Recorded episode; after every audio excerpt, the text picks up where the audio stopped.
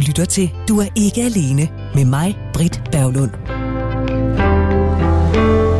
I sidste uge, der var der tips til, hvordan du kan få en kæreste, hvis det er det, du gerne vil, hvis du gerne vil gøre en ende på dit singleliv. Hvis du ikke fik lyttet med, så skal du hente programmet som podcast, enten i Radio 4's app, eller der, hvor du plejer at hente dine podcasts. Men som en lille service, ja, så får du her nogle af de mange tip, som øh, blev delt ud i programmet. Har du en profil på en eller anden platform, så tænk over din tekst. Skriv en tekst om dig selv, øh, der er fængende, gerne med sådan en første sætning, og hvis du har humor, så må du også meget gerne bruge den. Du skal tænke over, hvilke fem ting, du ikke kan eller vil leve for uden. Når du begynder at lave den liste, ja, så kan det altså være, at du hurtigt finder ud af, at ting som hårfarve, højde og andet fra den kasse egentlig er ret ligegyldigt. Når vi så er omme på den anden side af corona, så arrangerer en festlig sammenkomst, hvor alle medbringer en single, de ikke selv er romantisk interesseret i. Det fede er selvfølgelig at sørge for, at der er ligelig fordeling af køn. Øv dig i at se de kvinder og mænd, du møder på din vej.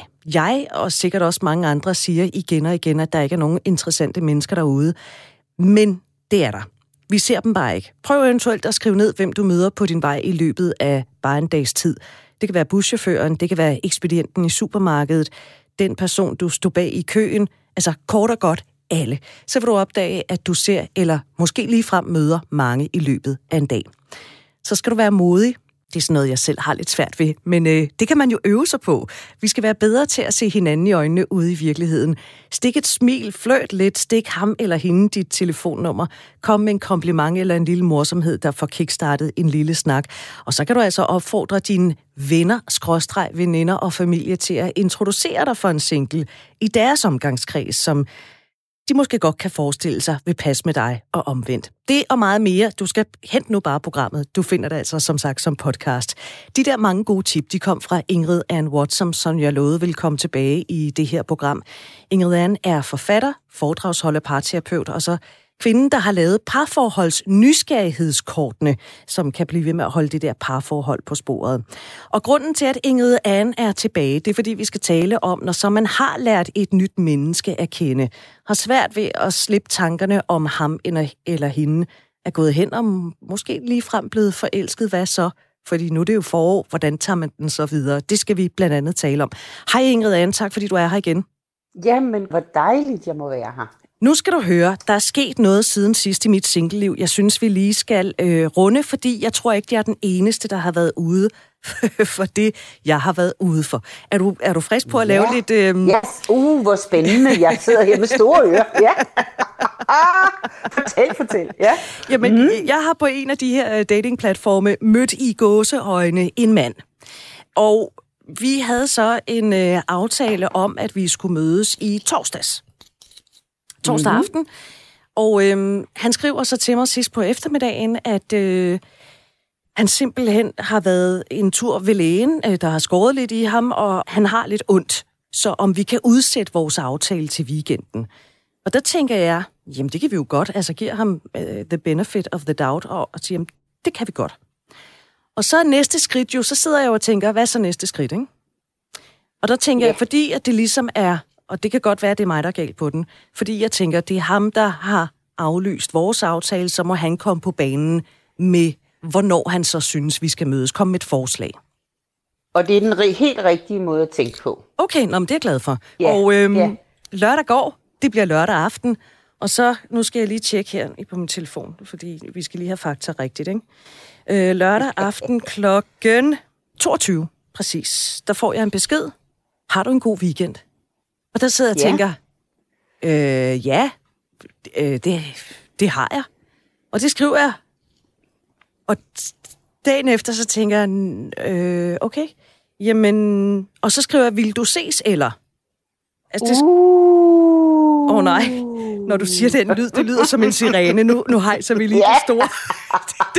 Britt, Britt har gjort noget galt. Det må du lige forklare. Nej, det har Britt ikke. Britt har bare gjort, som rigtig, rigtig mange, specielt kvinder gør. Ja. De påtager sig ansvaret for, at det her skal blive til noget.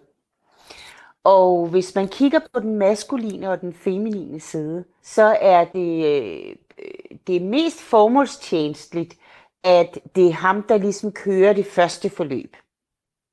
Okay. Og man kan sige, at her har han et eller andet sted vist dig, at han er ikke specielt interesseret. Fordi hvis mænd er specielt interesseret, så går de efter det, de er interesseret i. Det kan altså, godt så... være, de er kluntede, det kan godt være, de er rodet, og det kan godt være mange ting, men de prøver, og de stikker hovedet frem, og de sætter sig selv derud. Øhm, og han gør ingen af delene. En ting er, at han aflyser første aftale. Det kan vi alle komme til. Mm. Der kan være ting, der siger, at barnepigen kommer ikke, og hvad ved jeg. Alt er vel. Men det ligger hos ham at lave den næste, og han spørger dig, om du kan i weekenden, og du siger ja. Og han skriver øh, lørdag aften kl. 22, hvor mange for øvrigt kunne være gået i seng, og har du en god weekend. Så allerede der, der tænker jeg, at der står vi af. Øh, han er ikke nok interesseret simpelthen. Og øh, så derfor behøver vi ikke at skrive mere. Altså, Ja, men det er jo det, jeg plejer at sige til klienterne. Ved du hvad, jeg får ikke penge for at være sød, vel? Nej. Altså, jeg får penge for, og og, at vi kommer nogle steder, at du lærer noget, og at andre, altså at vi, vi flytter os. Det er det, jeg får penge for. Fordi hvis han er interesseret, så har han skrevet noget før i løbet af lørdagen, så var han kommet i tanke om, at der er hende der Brit, og hende vil jeg altså mægtig gerne møde. Og så har han skrevet til dig i løbet af, af formiddagen, øh, eftermiddagen og ikke kl. 22 om aftenen. Derudover så sker der jo det, at du skriver til ham som søndagen, ja. og hvem ved, om han overhovedet havde skrevet, hvis du ikke havde skrevet? Ja, det er et godt spørgsmål. Så allerede der, det er fint, at man aflyser første date, når det sker med, med, med mange timers, øh, altså at, at der er god tid til. At det ikke sådan lige er en halv time før men at man ligesom kan sige, hov, prøv at høre, der skete nogle ting, kan vi flytte det? Alt er vel. Der behøver ikke være nogen alarmklokker der.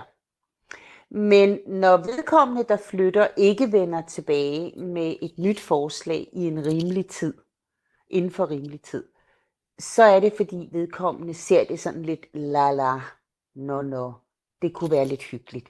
Og dem skal vi jo ikke date, det skal vi huske, fordi det, det bliver så os, der skal køre forløbet.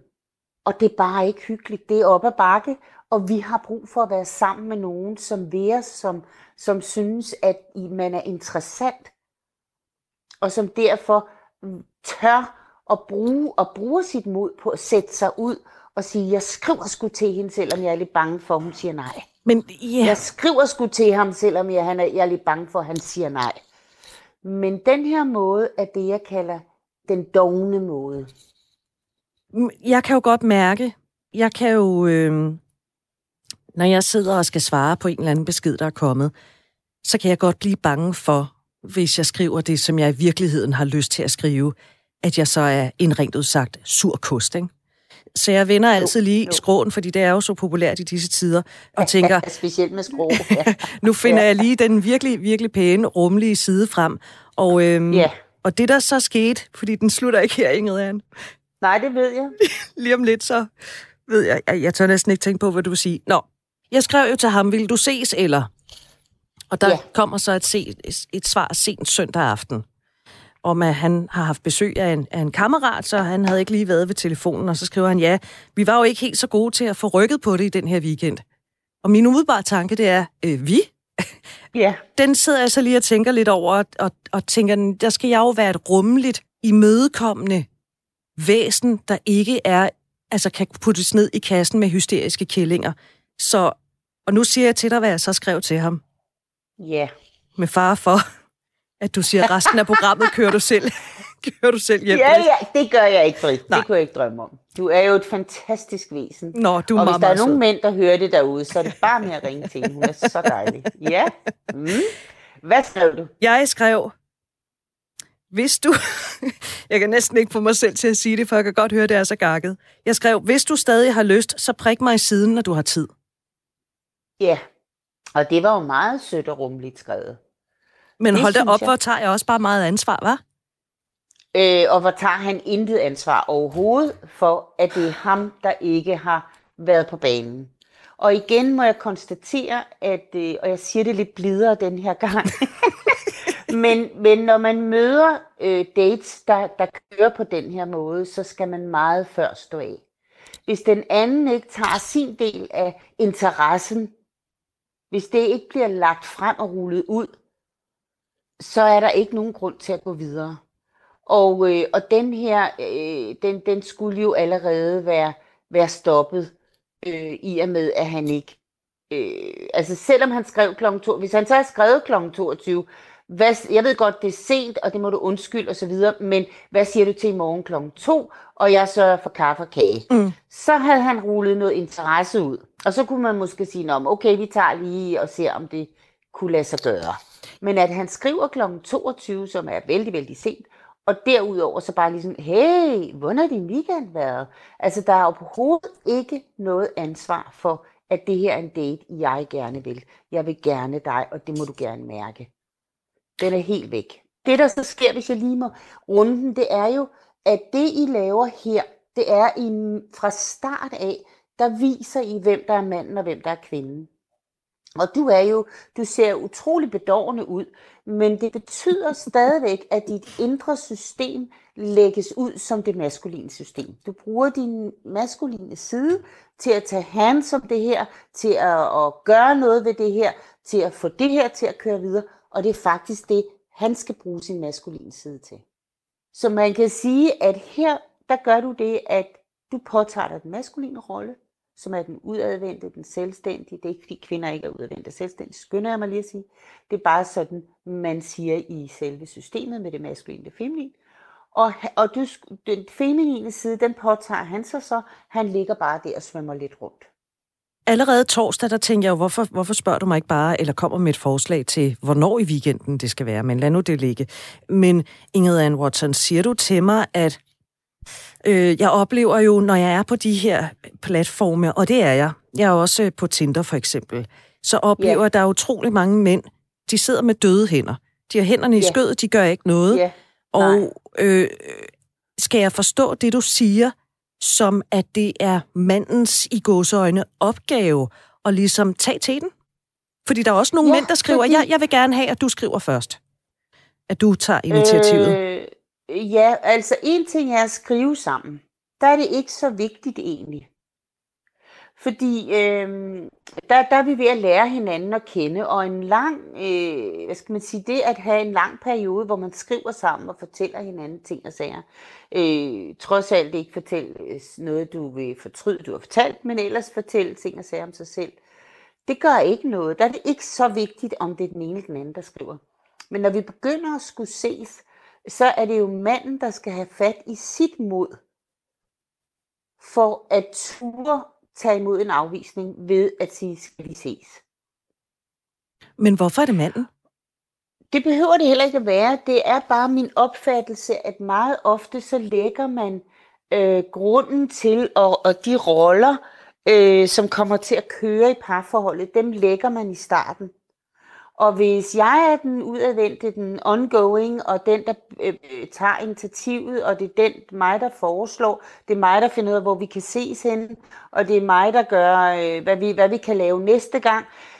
Det er alt sammen meget godt i starten, men det kan være lige pludselig, så slår mit feminine jeg ind og siger, ej, nu har jeg egentlig lyst til at sidde her lidt og blive atroværet. Jeg har lyst til, at han skal komme med nogle forslag. Jeg har lyst til, at han skal vise mig, at han vil mig. Men så har man et eller andet sted allerede lagt grunden til, jamen det er jo mig, der gør det her. Det er mig, der er den her. Og så sidder han derovre og slapper af og tænker, nå, der sker nok noget en dag. Og så er det den rollefordeling, også... der er blevet lavet. Ja, det er faktisk det, jeg taler om. Så det her handler ikke om, det er mere så ikke for tusind tomater i hovedet nu, at øh, ja, men kvinde, hvorfor må kvinder ikke tage initiativ? Det må kvinder meget gerne. Hvorfor må mænd ikke lade være med at tage et initiativ? Det må mænd meget gerne.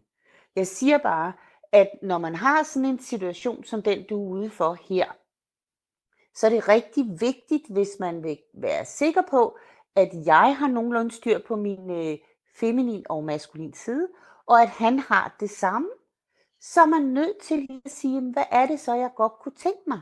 Vil jeg gerne have en mand med noget initiativ, så skal jeg prøve at lade være med at være for initiativrig selv, og se om han så kan tage teten. Kan han fange bolden til det? Og hvis jeg trives med at være initiativrig, og det gør jeg for eksempel, så gør det jo ikke så meget for mig, at han ikke hele tiden er på. Fordi jeg kan egentlig meget godt lide, at jeg har en lille smule kontrol og styring med tingene. Men, men så kan det heller ikke nytte noget, at jeg er et halvt år inde i forholdet lige pludselig siger, I det er altid mig, der skal komme med idéerne til, hvad vi skal. Hvorfor kan du nu ikke sætte dig ned og komme med nogle idéer? Ja, det kan jeg godt ja. Jamen, dine idéer plejer at være så gode, siger han. Ja, men jeg kunne måske også godt have brug for, at du kommer nogle gange med dem. Og så bliver han helt forvirret. Hvad sker der lige her? Ja. Altså, det er det, der er problematikken i det. Det er, der er ikke noget, der er forkert. Alt er rigtigt. Du kan bare ikke senere sætte dig ned og blive irriteret over, at det er sådan, som du selv har været med til at lægge grunden til, at det bliver. Det er jo dumt at, at brokke sig over en væg er malet blå, når man selv har malet den blå. Det er lidt det, og det er egentlig det, det her, hele den her start handler om. Det handler om, jamen er han modig nok til at kunne foreslå ting? Er du der, hvor du kan slappe af og give slip og sige, at hvis han ikke foreslår, at vi skal ses, så bye bye, små kys og flere engle, så venter jeg bare til den næste. Det behøver jo ikke være ham her, det kan jo være en anden. Det kan og der er masser af ledige mænd og kvinder derude. Og der er også masser til dig og til dig og til dig og til alle jer, der lytter med. Der er mænd og kvinder nok til os alle sammen. Så det behøver ikke at tage ham her, som ikke viser ordentlig interesse. Det handler ikke om, om manden han er generet, eller om manden han er kluntet, eller Gud nej, det gør ikke spor. Vær endelig generet og kluntet og, og sige noget mærkeligt og alt muligt. Det er slet ikke det, det handler om. Men det handler om, har du nok mod til at sørge for, at vi ses? Og det behøver ikke være ham hver gang, der, der, der gør det. Det kan godt være, det så er mig næste gang, der siger, at jeg har lyst til at se dig igen, skal vi ses. Men han skal også kunne tage initiativet, ellers så ender du tit med at hænge i bremsen og sige, hvad sker der her? Hvorfor kommer du ikke på banen? Så i det her meget konkrete tilfælde, der er det yeah. bye bye, masser af luftkys, kan du have det godt. Det var hyggeligt, yeah. at vi ikke mødtes. Ja, ja altså man kan sige, at når han skriver lørdag aften, og du skriver pænt, at jeg har haft en god weekend, tak, så skulle du ikke have skrevet mere. Nej. Fordi så må han så finde ud af noget. Og hvis han skriver søndag eftermiddag, nå, men skal vi ses i aften, så kunne det godt være, at du skulle sige, ved du hvad, desværre, det har jeg ikke tid til. Ja. Men foreslå en anden dag. Fordi det, der sker her, det er, at han viser dig, at du er ikke så vigtig, så han... Altså, jeg tror jo ikke på, at han ikke har haft sin telefon i hånden en hel dag. Øh, nej. en hel lørdag. Og det, det tror jeg simpelthen ikke på. Det er der ikke ret mange, der ikke har.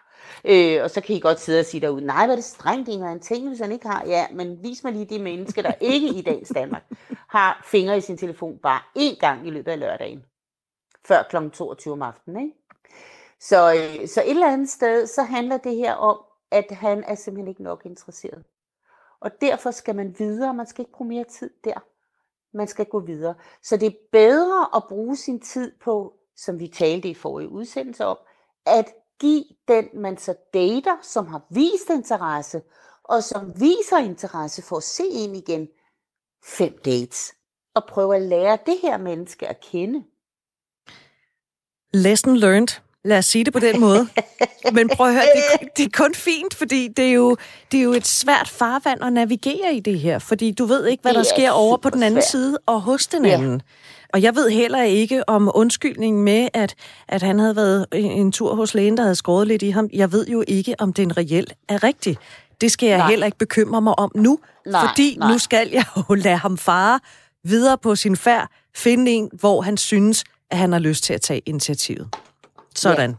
Jeg har lært en lektie. Og man lader det bare være. Man behøver ikke at skrive tilbage. Nå, men da du nu ikke skrev tilbage, eller et eller andet, så synes jeg ikke, vi skal bare lade det ligge. Så man skal bare vente om at gå. Du jo ikke vedkommende noget. Nej.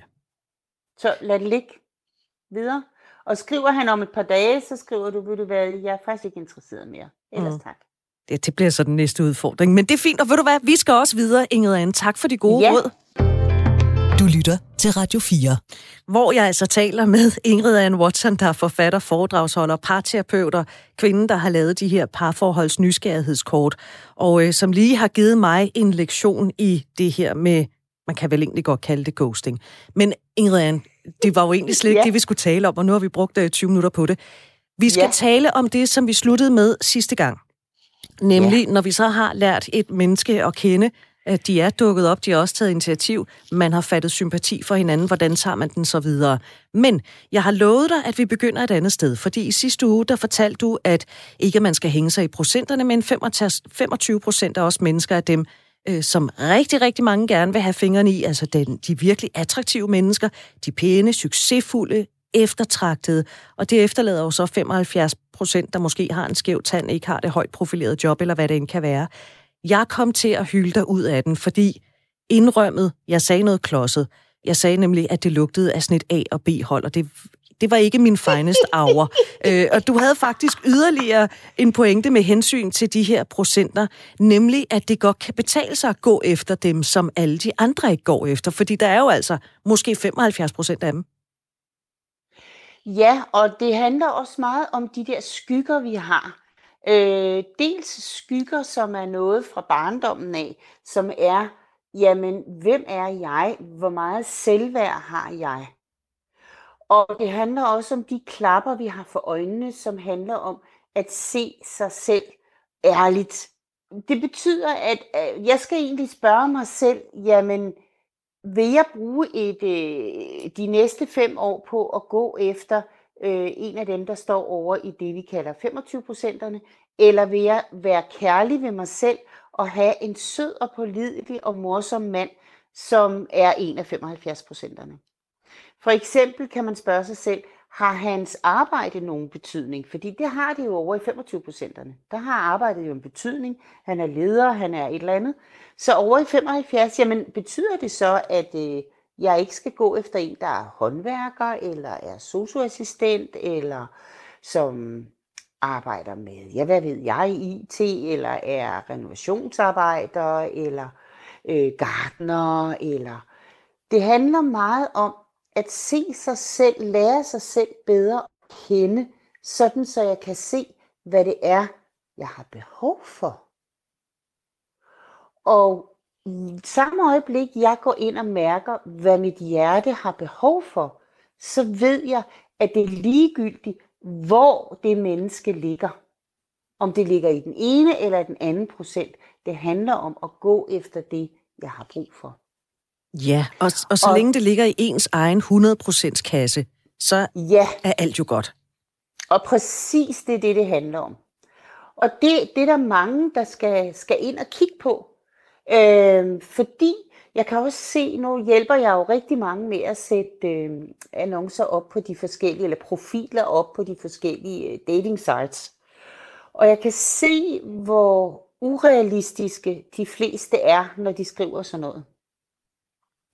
De tænker, at, øh, at de, man kan sige, mange profiler er skrevet med hjernen, hvor jeg kunne tænke mig, at man skrev dem med hjertet og havde den der punchline, som vi startede om, den allerførste sætning, der siger en hel masse. Og hvis man gør det, så er det ligegyldigt, så har man jo 100%, så har man alle menneskene at vælge imellem, og man kan gå ind med hele sig. Og så vil man ofte også tiltrække det, man har brug for, det man har behov for, som sidder i sjæl og læme og hjerte, og ikke så meget op i hjernen. Okay. Det var en god pointe, som, som vi her fik, øh, fik uddybet, øh, som vi ikke gjorde sidst, og det tager jeg på min kappe. Men der er også noget andet interessant med hensyn til mænd og kvinder, nemlig hvordan vi er indrettet, når vores interesse skal fanges. Det vil gerne have, du fortæller om, fordi det er noget med øh, ører og noget med øjne. Ja, altså, jamen, det, man siger jo, mænd øh, tænder med øjnene. Og derfor er det en god idé, når man skal date, at man gør noget ud af sig selv. Det er også rart, at mændene gør noget ud af sig selv, fordi vi kvinder kan jo også godt lide en mand, der har gjort noget ud af sig selv. Men oftest er det mindre vigtigt for os, fordi det, der er vigtigt, er øh, vores samtale ofte. At hvordan går samtalen? Og det vil sige, at kvinder egentlig tænder øh, mestendels med ørerne, og mænd tænder mestendels med øjnene. Og det er godt også i forhold til ens profilbillede at være opmærksom på det.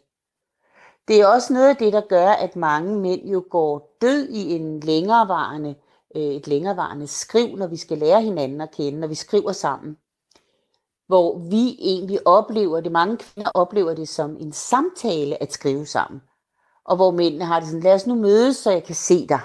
Og sådan er det jo også på datesene. Men det, hvis jeg lige skal vende tilbage til, når nu vi er, har været over de der fem dates, og vi ligesom er blevet forelsket, eller vi er i hvert fald blevet fascineret af hinanden, lad os sige det sådan. Øh, hvordan går vi så videre? Jamen, vi kommer videre med tålmodighed. oh. Ja, oh. og øh, ja, og det er jo næsten et ord, fordi jeg plejer at sige sådan her, og det er jo altså lidt morsomt sagt, synes jeg selv, men i løbet af tre måneder, der ved jeg mere om, om jeg gerne vil være kæreste med ham, om jeg gerne vil bo sammen med ham, om jeg måske ligefrem gerne vil have børn med ham. Men jeg plejer at sige, at i løbet af de tre måneder, der har han først fundet ud af, at det er hyggeligt at date mig. ja. Og det vil sige, ja, og det vil sige, at øh, fordi mænd og kvinder går frem på en forskellig pace, de er forskellige, øh, de er ikke, nogle er hurtigere end andre, og kvinder er ofte hurtigere end mænd. Det betyder, at jeg hurtigere begynder måske at presse på noget, end han er klar til. Ikke fordi det ikke slet ikke er, fordi han ikke er klar, han ikke vil mig, men fordi han er bare længere tid om at beslutte sig. Om at nå dertil, altså at mærke det inde i sig. Nej, jeg kan simpelthen, jeg kunne godt tænke mig at være kæreste med Brit. Og det giver nogle gange en øh, skævhed, som gør, at det stopper der. Fordi øh, jeg er klar, nu har vi datet i tre måneder, og er vi så ikke ved at være kærester? Og hvis jeg bringer den på banen der, hvor han måske slet ikke er klar til det endnu, så risikerer jeg faktisk, at forholdet stopper der. Fordi han ikke helt ved, om vi er kærester endnu, er vi ikke bare ved at lære hinanden at kende. Og så bliver jeg ked af det, jeg bliver ramt, øh, og jeg føler mig måske ikke god nok, jeg føler, at han ikke vil. Øh, og så kan det være, at jeg siger, jamen, så kan det også være lige meget. Hvis du efter tre måneder ikke ved, om du vil det, så synes jeg bare, at vi skal stoppe her. Og det er rigtig, rigtig ærgerligt, fordi det kunne være, der bare gik en måned eller to mere, så var han nået dertil, hvor du er. Mm. Og hvad sker der ved at vente, hvis han ellers viser dig på alle de andre parametre, at han gerne vil dig, og han er glad for at være sammen med dig? Hvad er der så i vejen med at vente en måned eller to måske? Og noget af det, som vi talte om sidste, var jo netop, at vi kvinder godt kan være lidt hurtige til at konkludere enten det ene eller det andet. Vi har åbenbart mere travlt, end, end mændene har. Og jeg kunne også godt forestille mig, i, i det du siger her, at der er nogen, der vil, altså specielt mænd, der synes, at de kan høre håndjernene rasle, når man bruger det der ord kæreste. Fordi vi kan vel heller ikke komme udenom, at lige så snart, at vi sætter den label i panden på hinanden, så følger der nogle forpligtelser og forventninger med det, det er jo i hvert fald det, vi regner med. Ikke? Så skal du møde mine forældre og mine børn osv. videre, Ikke? Øh, hvor jeg tænker jo på en anden måde. Jeg tænker, at håbet om, at vi, øh, at jeg har fundet ham, jeg kan blive sammen med, jeg vil lige vil sige resten af mit liv. Øh, og det er jo det romantiske håb, som jeg i hvert fald har i mit hjerte, og det tænker jeg mange har, øh, når man dater. Det, det håb, hvorfor ikke give det den tid, øh, som gør, at den anden kan nå hen og mærke det samme håb. Hvad er det i mig, der gør, at jeg skal presse på? Og igen er det her under forudsætning af, at de andre parametre virker. Og det vil sige, at de parametre, det er, at vi er nogenlunde interesseret i at mødes, at vi er nogenlunde interesseret omkring det seksuelle, at vi er nogenlunde interesseret i at Altså, vores samtaler kan godt handle om fremtiden, hvor vi ligesom prøver hinanden af. Om jeg kunne godt tænke mig at rejse til Bali, og, og det kunne jeg ikke. Jeg kunne bedre tænke mig at rejse og kravle rundt i bjergene i, i Phoenix. Nå, og jeg kunne, altså, hvis de parametre er i orden, og man har en regelmæssig mødefrekvens, øh, som, som øh, tilfredsstiller begges behov, at man har nogle sms'er, eventuelt telefonsamtaler, øh, mellem man mødes, så er der ikke nogen grund til at lade sin frygt dominere og ville absolut have det her ord på banen, kærester. Nej, de fleste beslutninger det bliver jo netop taget baseret på frygt. Vil det sige, det gør de, ja. Ingrid Ann Watson, at vi også i denne situation, der skal vi kvinder altså lige bakke lidt og give manden lov til at det er ham, der kommer på banen. Det er måske ham, der tager initiativet til at åbne den snak, der handler om, hvad, hvad er vi egentlig? Er vi noget os to? Og hvad er vi i givet fald? Altså, det behøver vi ikke. Det behøver ikke være sådan. Det vil jeg lige sige. Men mit forslag er, at I dater uden navn i et halvt års penge. Mm. Så er han også klar til at få den snak, der hedder, er vi der, hvor vi kan begynde at møde hinandens venner? Er vi der, hvor vi kan begynde at, at tage, tage måske møde hinandens børn og så videre. Og alene der, hvor man begynder den samtale, der har man åbnet for ordet kærester. Så i samtalen, at vi begynder at ligesom sige, at det er upraktisk, at, vi, at du ikke kan, jeg vil egentlig, man kan sige det på den måde, jeg vil egentlig gerne, jeg er inviteret til det her, den her middag med mine venner, og de har sagt, at jeg kan tage en med, og vi ses jo, har du lyst til at tage med? Og så der åbner det faktisk for samtalen om, jamen, hvad sker der, hvis vi gør det? Hvor er vi? Øhm, og mit bud er, at hvis ikke han selv bringer det op inden, så kan man roligt gøre det, når der er gået et halvt års penge. Fordi så er han der, hvor han også ser, at vi er noget sammen. Jeg havde på, øh, på et tidspunkt en kollega, der i mange år havde været... Altså, de var kærester med en mand. Det, der var lidt specielt ved deres forhold, det var, at han var overhovedet ikke interesseret i at være med til familietamtam i hendes familie, eller at have hende med til tamtam i sin familie. Det var noget, hun lige skulle vende sig til, men her mange år efter, der er de altså stadigvæk sammen, hvor de er også rigtig glade for hinanden. Så der er vel ikke nødvendigvis one size fits all, når det kommer til parforhold, og hvordan man ligesom skal, hvad kan man sige, øhm, håndtere det også over for andre? Præcis. Det er rigtig godt sagt. Og det handler jo om, hvor man selv er med det hele. Det, der kan være problematikken i det, det er jo, at øh, mange gange har vi ikke fået øje på vores eget selvværd i det. Vi har ikke fået øje på vores barndoms skygger, som står i vejen. Og det er meget det, det handler om. Det er, er det mine forventninger, eller er det samfundets, eller mine forældres forventninger, eller er det kønnets forventninger, der gør, at jeg dater ham, og ikke ham, at jeg siger ja til ham, og ikke nej til ham, eller at jeg for hurtigt går fra dem igen, eller jeg bliver for lang tid. Øh, hvad er det, der gør, at jeg ikke har øje på de her ting? Og det er derfor, det er en god idé. For eksempel, jeg har sådan nogle forløb, hvor man kommer øh, 5-10 ti gange, og jeg arbejder med, hvad er det, der gør, at du får spændt ben for dig selv? Fordi det er jo ofte det, vi gør. Blandt andet ved at date mennesker, vi slet ikke skulle date. Øh, hvor jeg nogle gange kan sige, hvorfor skulle du ud med ham Svend? Nå, men det var fordi sådan og sådan. Så siger jeg, jamen det, som vi havde talt om, det var jo, at det var det her over, du havde brug for. Hvordan forsvandt det ud af dit system, at det var det her over, vi havde talt om, du havde brug for, sådan så du kunne date Svend i stedet for? Ja, det kunne hun egentlig godt se. Det ved hun egentlig ikke lige, hvordan bare hun sad med at date Svend, når det var det her over, hun havde brug for, og det har Svend slet ikke. Så det er meget det, at der kan ligge nogle skygger, nogle, øh, nogle upraktiske, hvad skal man sige, holdninger eller opdragelsesmønstre øh, inden i os, som gør, at vi faktisk går imod det, der er vores eget bedste, kan man sige det sådan. Ja.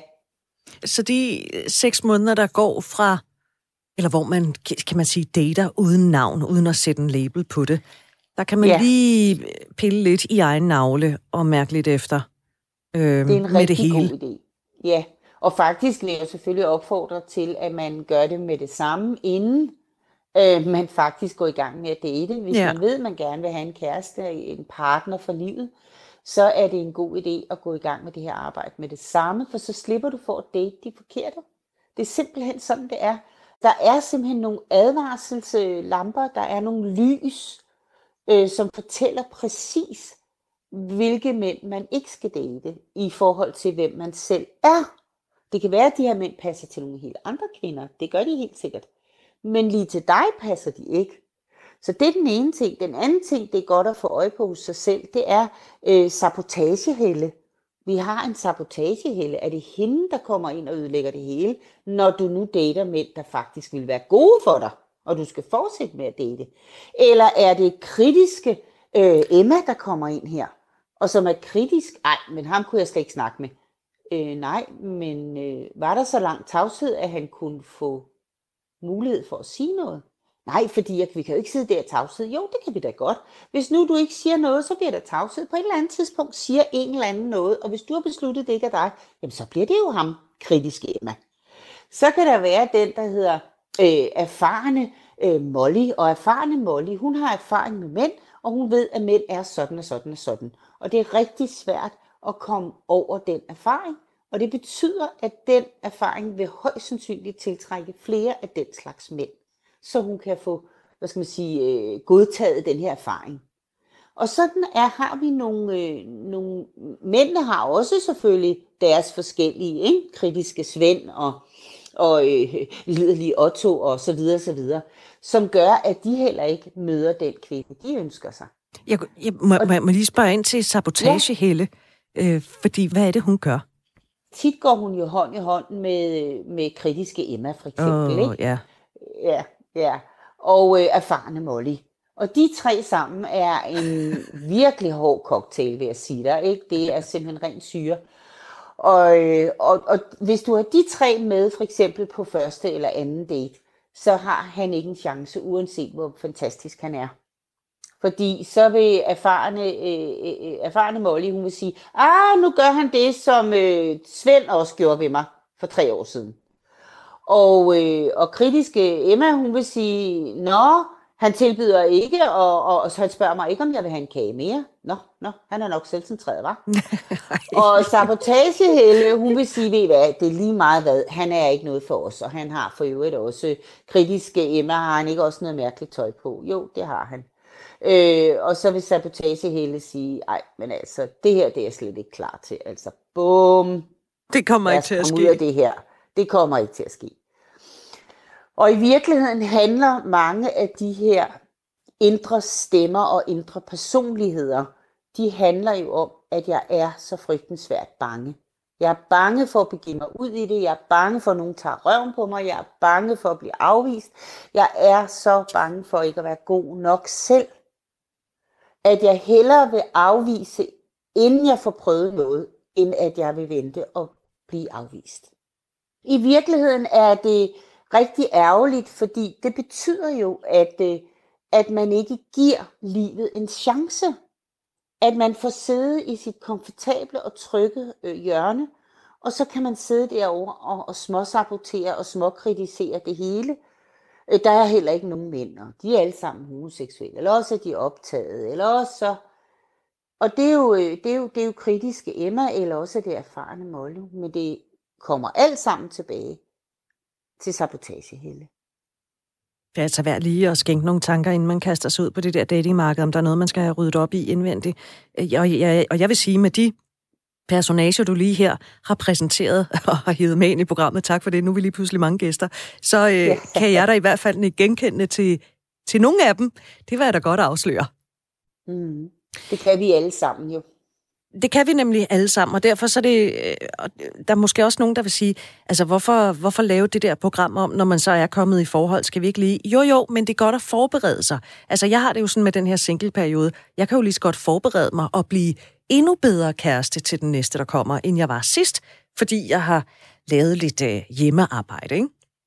Jo, det er jo det. Og man kunne også spørge sig selv, for eksempel, hvad sagde ens forældre om kærlighed? Hvad sagde din mor om mænd? Hvad sagde med din far om, om, øh, hvad hedder det, om kvinder? Og det er, det er også en god opgave at lige sætte sig ned, inden man går ud og dater, og spørge sig selv, jamen de sidste kærester, jeg har haft, hvad, hvad er egentlig grunden til, at vi ikke er sammen? Hvad var min 50% af dem? Fordi så ved jeg også, hvilken kritisk eller indre stemme i hvert fald, jeg skal lytte efter, når jeg går ud og, øh, og dater. Og man kan sige, der var for eksempel en kvinde, så siger hun til mig, ej, hvor var det godt, jeg havde hørt om de her tre indre kvinder, de her tre indre stemmer, fordi da jeg kom gående og så ham, så var kritiske Emma, hun var oppe og stå lige med det samme. Ej, man kan da ikke have sådan nogle sko på til sådan nogle bukser og der kunne jeg så gå ind med kærlige mig, som der, vi har jo også en stemme, der hedder kærlige mig.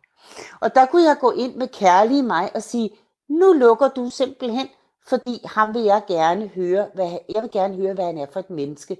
Så du, øh, kritiske Emma, du lukker lige og fiser ud og sætter dig derude på en bil og, og, og kigger, mens jeg lige laver det her. Og det er muligheden, man får, når man først begynder at opdage, hov, de her stemmer, de kører i mig. Så har man mulighed for at sige, hov, der var den stemme. Jamen, farvel med dig lige nu. Kys som mange små engle afsted med dig, du. Og så kom den her stemme. Ej, det vil jeg simpelthen ikke finde mig i, at du skal være her og bestemme. For jeg har kærlige mig med mig, og hun skal bestemme nu. Og sådan er det også, at man får kommer videre fra kærester til egentlig rigtig, øh, hvad skal man sige, parforhold, hvor vi måske ovenkøbet skal snakke om at flytte sammen og sådan noget. Det er, at man bruger kærlige mig, fordi de tre andre stemmer, de er jo ude på at sørge for, at du ikke bliver dumpet, at du ikke bliver ked af det, at du ikke bliver såret, at øh, alle mulige ubehagelige ting. Men det, de gør det jo ved at sørge for, at du bliver kæresteløs. Og det er jo noget ærgerligt, ikke? Og det, Når nu det, det, jo... du ønsker dig, er at få en kæreste og komme i et forhold. Du lytter til Du er ikke alene med mig, Britt Berglund. Når nu øh, kritisk Emma lige øh, fandt anledning til at påpege de sko, han havde på til de der bukser der. Ikke? Jeg har jo ja. hørt Ingrid Ann Watson, at det man først fandt øh, vildt charmerende og sjovt, altså måske at han gik lidt gakket klædt og et eller andet, hvad ved jeg, sidenhen kan gå hen og blive møg irriterende, når så man har sat den der label i panden på hinanden om, at nu er man kærester, og forelskelsen måske er klinget lidt af. Hvor meget sandhed er der i det? Der er rigtig meget sandhed i det, det er jeg nødt til at sige. Og måden, man kommer ud af det på, er jo ved at huske, at øh, man også har en side, der hedder accepterende Cecilie. Og den side skal man bruge, sådan så det kan godt være, at de sko ikke passer til de bukser, men nej, hvor var det dog en dejlig samtale, vi havde. Øhm, og så bruger man accepterende Cecilie, som vi alle også indeholder jo, til at sige, det der, det er ikke min tulipanmark, det er ikke min have, hvordan han går klædt. Jeg bruger accepterende Cecilie til det, og jeg bruger, øh, jeg kan godt lide mig selv, mig, den der loving me, til at sige, det her, det er godt for mig, jeg kan mærke det, det jeg har brug for. Øh, hvad hedder det, sabotagehælde skal ikke have lov til at komme ind her. For, du har, for det er fuldstændig rigtigt. Altså en del af dem, der sidder i, i sofaen hos mig på klinikken, de siger jo, at han var så rolig, han var så rar, og, og han lyttede sådan, jeg kunne få lov at tale i timevis. Det var det, jeg faldt for. Og når jeg så spørger, hvad der er galt i dag, så siger de, at han tager ingen initiativ, og han siger aldrig noget, og han sidder bare der i sofaen. Og er skide venlig. Ja, ikke? Og der skal vi jo så tilbage til at mærke, hvad var det, det gjorde ved dig der, og have den dejlige følelse op at stå, samtidig med, at parret måske skal finde ud af, at det kan godt være, at vi skal begynde at flytte rollerne lidt, ikke? Hvordan gør vi så det, ikke? Så, øh, så ja, det handler meget om, at accepten, altså hvis jeg har, jo større accept jeg har af mig, af hvordan jeg er, af mine kiloer, af mit hår, af min måde at være på, min stemme, øh, det job, jeg har, der, hvor jeg er nået til i mit liv, øh, min måde altså at være kæreste på selv. Jo mere accept jeg, jo mere jeg kan acceptere mig selv, jo større accept er jeg i stand til at have i accepterende Cecilie øh, delen af mig. Og jo mere kan jeg acceptere, han er som han er, og prøve ikke at lave ham om. Hmm. For det er jo det, det hele handler om. Det er jo, at, øh, at, øh, at jeg så gerne på et tidspunkt, så synes jeg, det er irriterende, at han går i det tøj. Og så begynder jeg at lave ham om. Og jeg har jo ikke lyst til at blive lavet om på, jeg ved ikke, hvor mange punkter, vel? Nej, det er jo lige præcis det. Det er jo faktisk lige præcis det. Jeg skal jo ikke fortælle et andet menneske, hvordan det menneske skal være, når jeg ikke har lyst til, at det andet menneske skal fortælle mig, hvordan jeg skal være. Så jo større accept man har af sig selv, jo større accept vil man have over for sin partner. Ja, og jo mere jeg er vild med mig, jo mere kan jeg tillade mig at være vild med ham. Og der er også det ved det, at når man arbejder med fortidens skygger i sig selv, opdragelsesskygger og redder og forfølger og hjælper os syndromer og alle de her ting. Øh, traumer for eksempel, tidlige traumer, Når man arbejder med de ting, så bliver man automatisk gladere for sig selv. Når jeg bliver gladere for mig selv, så tør jeg at sætte mig selv mere derud, Britt. Og det vil sige, så tør jeg også sige, at jeg er glad for dig, uden at blive fuldstændig slået om kul, hvis han ikke siger det samme. Fordi det betyder for eksempel ikke, at han ikke er glad for mig. Det kan bare være, at han har lyst til at sige det på et andet tidspunkt. Ja, eller på en anden måde i form af ikke-ord. For eksempel. Altså, jeg, der synes ja. jeg jo, vi når det der sted, hvor at, øh, vi står foran en, en sø, der er dækket med is, ikke? Og den is, den kan enten være flere centimeter tyk, eller så kan den være ganske få millimeter tynd. Så når jeg siger, at jeg er meget glad for dig, så ved jeg jo i virkeligheden ikke, hvordan det bliver modtaget. Det kan være, at jeg går igennem isen. Ja, og det gør ikke noget, og jeg synes, det var rigtig fint. Jeg vil meget gerne lige have fat i den der, der hedder du må jo lige stoppe mig, når vi ikke har mere tid. Men, øh, eller gerne fem minutter før, vi ikke har mere tid. Det er fint. Men det er ja, fordi når du siger, det er jo ikke sikkert, at vi har den samme måde at vise det på, så er vi jo inde på de fem kærlighedssprog, som jeg jo har undervist i i mange, mange, mange herrens år. Og det er nemlig rigtigt, det kan være, at han viser det mere, end han siger det. Og det er jo vigtigt for mig at få øje på, at mit kærlighedssprog måske er anerkendende ord. Så hvis han ikke giver mig anerkendende ord, så tænker jeg, at han ikke kan lide mig, eller så må jeg hellere trække mig lidt, eller sådan noget. Hvor mit forslag vil jo være, at man blandt andet taler med det andet menneske. Det kan også være, at nogle mænd lytter til det her. At det håber vi jo, at så at mændene for eksempel tager den snak op, som hedder øh, de fem kærlighedssprog. Sådan så vi kan blive mere klar på, hvornår er det, at jeg støtter dig, så du kan mærke, at du er elsket, øh, og hvornår er det, jeg kommer til øh, uheldigvis at gå den anden vej. Og, og de fem kærlighedssprog, det er jo øh, gaver, det er berøring, det er øh, anerkendende ord, det er... Åh, oh, hjælp mig lige. Hjælp mig lige. Tid sammen. Tid sammen, ja. Og den sidste? Og, øh, tjenester. Og tjenester. Vi har jo øh, faktisk lavet et helt program, os to, Ingrid Anne Watson, om de fem kærlighedssprog. Det synes jeg ja. faktisk, man skal hente som podcast, fordi der bliver man meget klogere. Jeg fandt jo ud af i den proces, at øh, mit kærlighedssprog, det er anerkendende ord.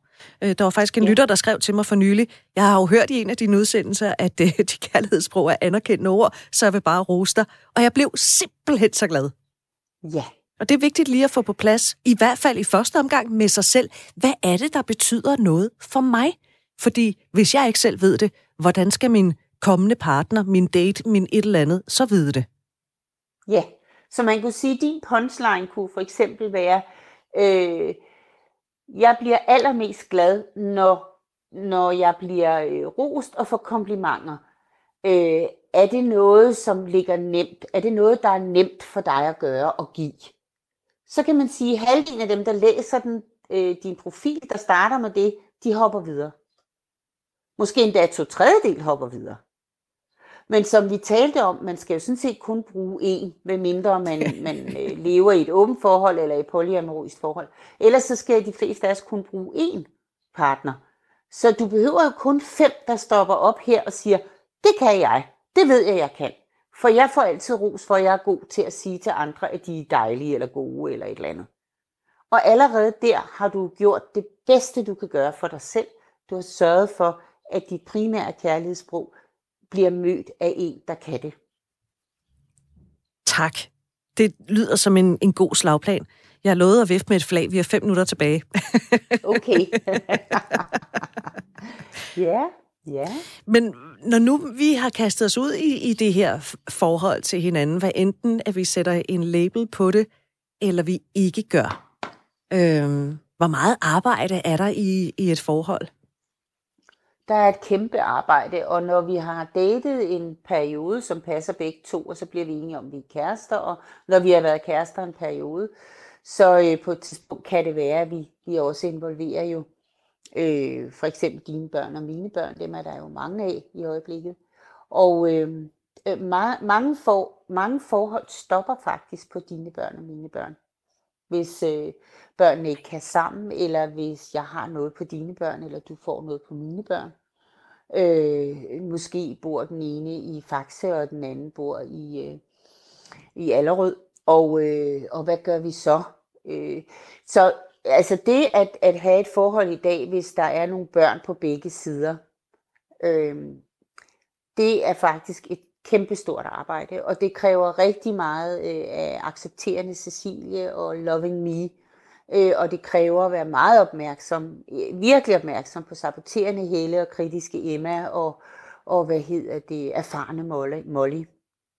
Fordi det er dem, der kommer ind og siger, ej, det kan jeg ikke holde ud, og hvorfor gør dine børn sådan, og hvorfor kan du ikke få dem til, og hvad med den her ekskone, du ser alt for meget, og så der ligger et kæmpe arbejde, og, øhm, og det er jo der, hvor jeg for eksempel de her kort, du anbefaler, at man kunne købe sådan et spil, og så kunne man prøve at spille dem igennem. Der er mange gode spørgsmål også i forhold til det. Hvad gør vi, når de her situationer opstår? Hvordan vil vi gerne have dem håndteret? Øhm, så ligger der også nogle ting omkring, øh, forhåbentlig har man i det første halve år fået nogenlunde afklaret, hvor, hvad skal man sige, hvor mine interesser ligger, hvor mine ønsker til fremtiden ligger, øh, og økonomi og mange forskellige ting, som egentlig er grundlaget for, øh, at det bliver nemmere at være i det her forhold. Og de ting kommer jo igen op og vende, hvis man vælger at flytte sammen. Og hvor skal man flytte sammen? Hensyn til børn og alle de her ting.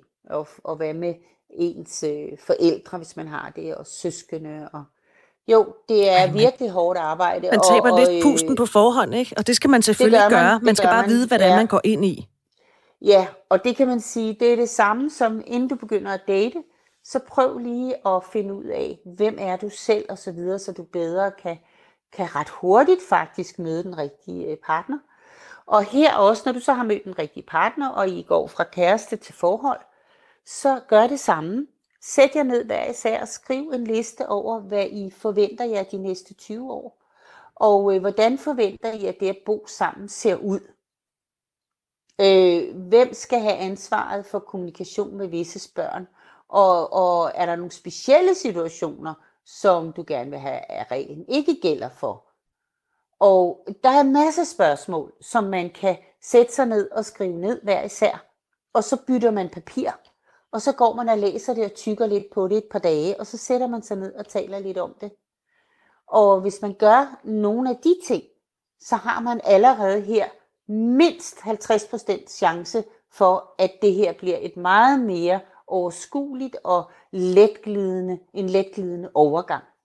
Hvor man simpelthen... Uden de store sover ja, og problemer. Ja. Det er jo fordi folk tænker, jamen kærlighed er nok, øh, og nu flytter vi sammen, og det klarer vi nok. Og altså summer så meget er bare, at mange klarer det simpelthen ikke. Ved nummer to, altså hvor vi har dine børn og mine børn, og dine mor og dine forældre og mine forældre og alt det der. Så det er rigtig godt at gøre de her indledende øvelser. Kom gerne, gå gerne til en parterapeut og sige, vi overvejer at flytte sammen. Øh, vi kan umiddelbart se, der kunne være de her problematikker. Vi vil gerne lige hjælpes til, at, at det ikke bliver et problem for os. Vi har venner, som flyttede sammen og måtte flytte fra hinanden igen, fordi de ikke tog højde for det her igen at gøre forarbejdet. Ingrid Ann Watson, vi, er ved, vi er simpelthen ved at nå uh, slutningen. Jeg har skrevet ja. nogle ting ned, jeg godt lige kunne tænke mig, øh, og jeg i hvert fald uh, tager med mig uh, fra den her udsendelse, det er uh, kigge indad, inden du uh, begynder at date, date.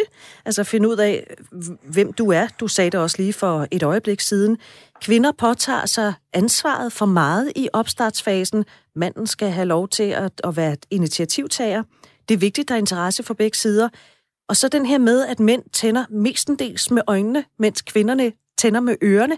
Det er også interessant, det skal vi også have lidt øh, forståelse for. Og jo mere vild jeg er med mig, jo mere vild vil jeg også være med min partner. Det er meget, meget kort opsummeret, hvad vi har talt om de mm. seneste 55 mm. minutter. Yeah, Ingrid Ann yeah. Watson, tak fordi du vil være min gæst igen.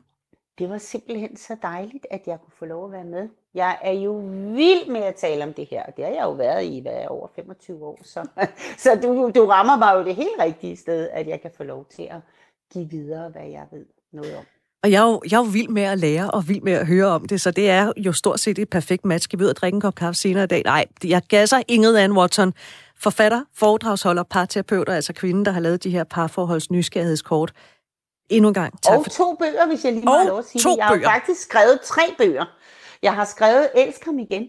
Sådan får I kærligheden tilbage i jeres parforhold. Jeg har skrevet De ni kærlighedsregler. Og så har jeg skrevet 12 ufornuftige noveller om kærlighed.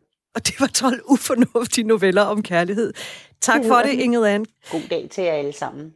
Du har lyttet til øh, Du er ikke alene på Radio 4. Du kan hente det her og tidligere programmer som podcast, enten i Radio 4's app, eller der, hvor du plejer at hente dine podcast. Og så høres vi ved om en uge. Nu er der nyheder. Programmet er produceret af Pibesource Productions for Radio 4.